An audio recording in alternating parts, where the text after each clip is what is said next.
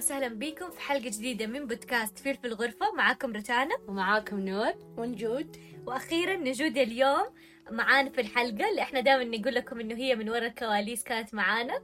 فاليوم هي ضيفة حلقتنا. أهلا وسهلا نجود. أهلا وسهلا. من وإحنا صغار كلنا أو أغلبنا كان عندنا أحلام وتخيلات عن إيش حنصير لما نكبر.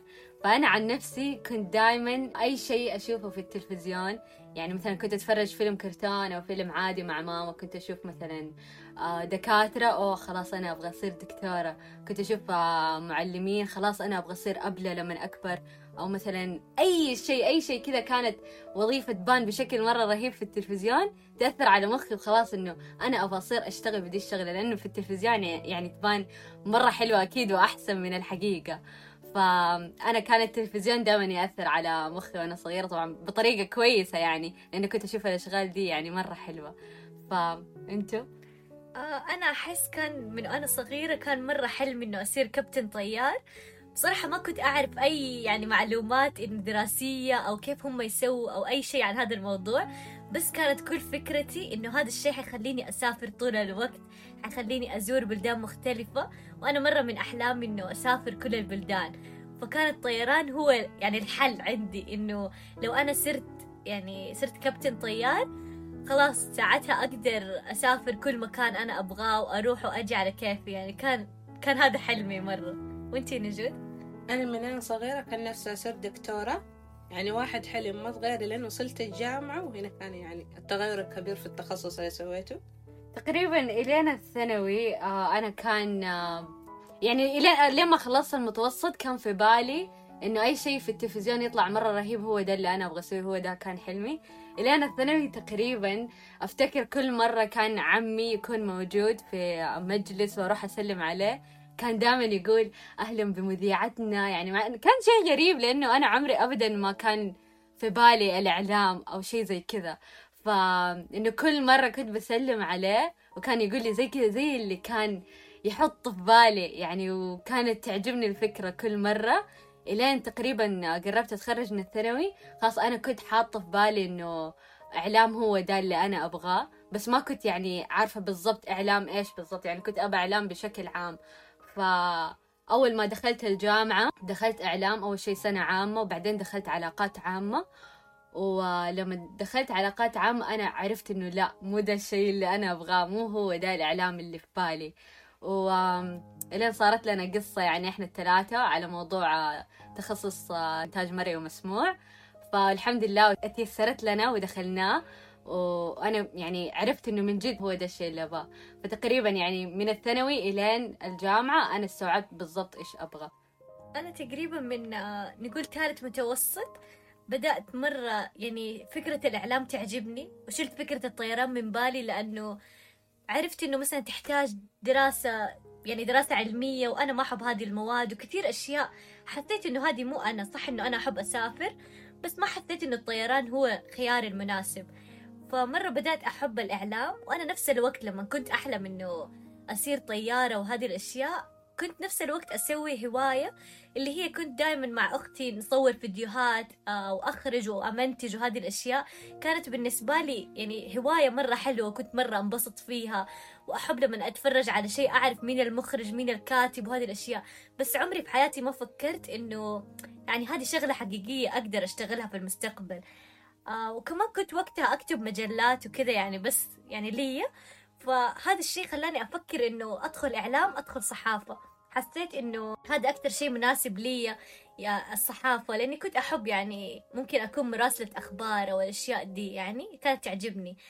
آه بس بعدين لما برضو هذا التخصص فتح حق إنتاج مرئي ومسموع حسيت من جد هذا الشيء اللي أبغاه. وكمان شفت إنه في طفولتي كل الأشياء دي أنا كنت أسويها بس ما كنت مستوعبة إنه هذا الشيء اللي حقيقي أنا بسويه أو هذا الشغل اللي أبغاه في مستقبلي يعني بس هذا الشيء اللي ما كان في بالي.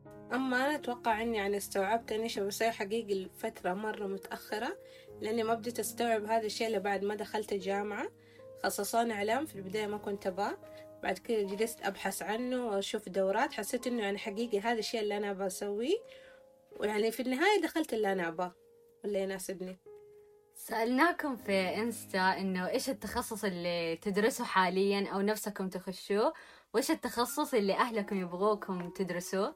فجاتنا أكثر من ردود صراحة ومنها واحدة تقول إنه تخصصي الحالي تربية خاصة والتخصص اللي أهلي نفسهم فيه إني أدرس طب.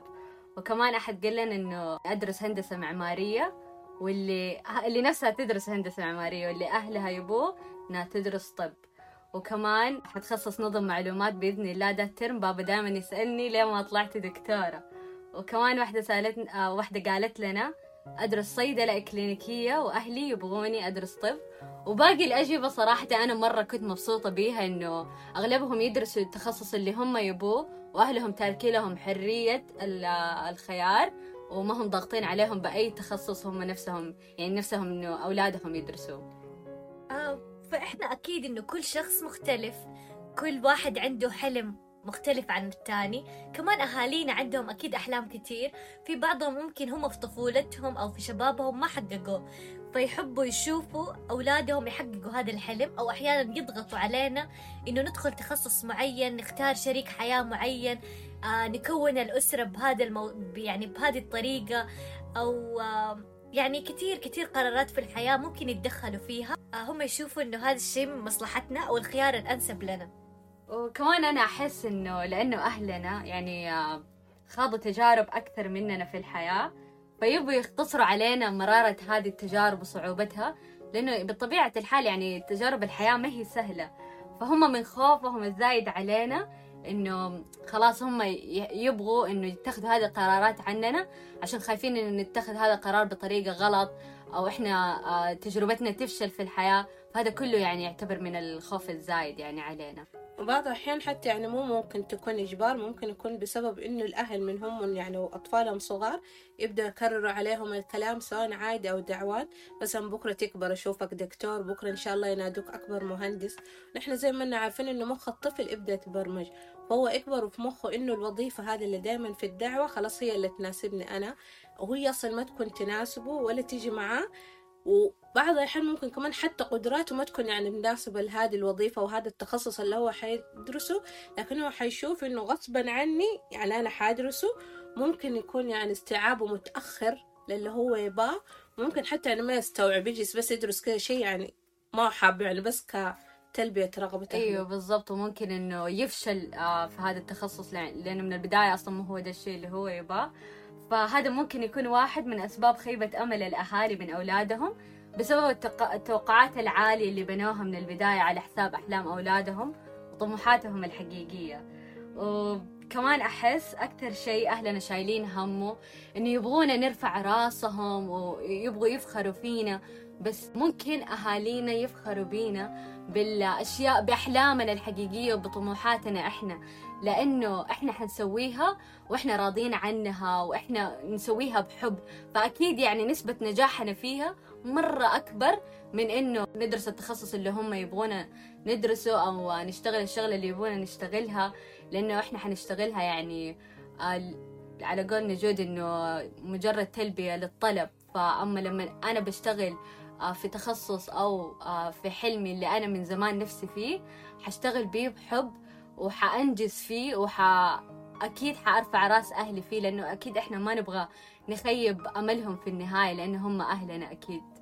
آه في النهاية إحنا حابين تكون هذه الحلقة رسالة لكل الأهالي إنه بما إنه نحن يعني بنات جامعة وممكن أخذنا بعض هذه القرارات دحين في حياتنا إيش ندرس أو إيش نسوي فحابين بس من الأهالي إنه يعرفوا إنه المفروض ما يضغطوا على على أولادهم في شيء معين ويحاولوا يفهموهم أكتر.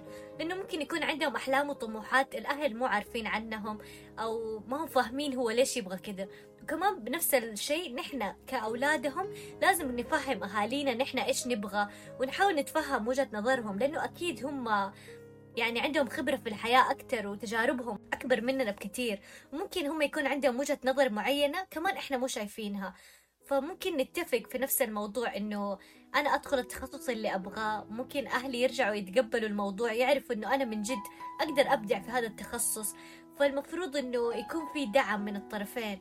إنه الأهل يدعموا الأطفال أو أولادهم علشان ينموا الموهبة اللي عندهم أو الشيء اللي هم يشتغلوه في حياتهم.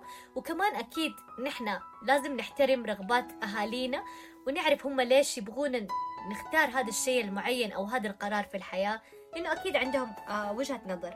في النهاية سواء كنتوا الأهل أو الأولاد إذا عندكم أي رأي مختلف لرأينا ممكن تشاركونا هو في الكومنتات أو على حساباتنا في ال social media. ولا تنسوا تتابعونا على كل حساباتنا. نشوفكم في الحلقة الجاية. مع السلامة.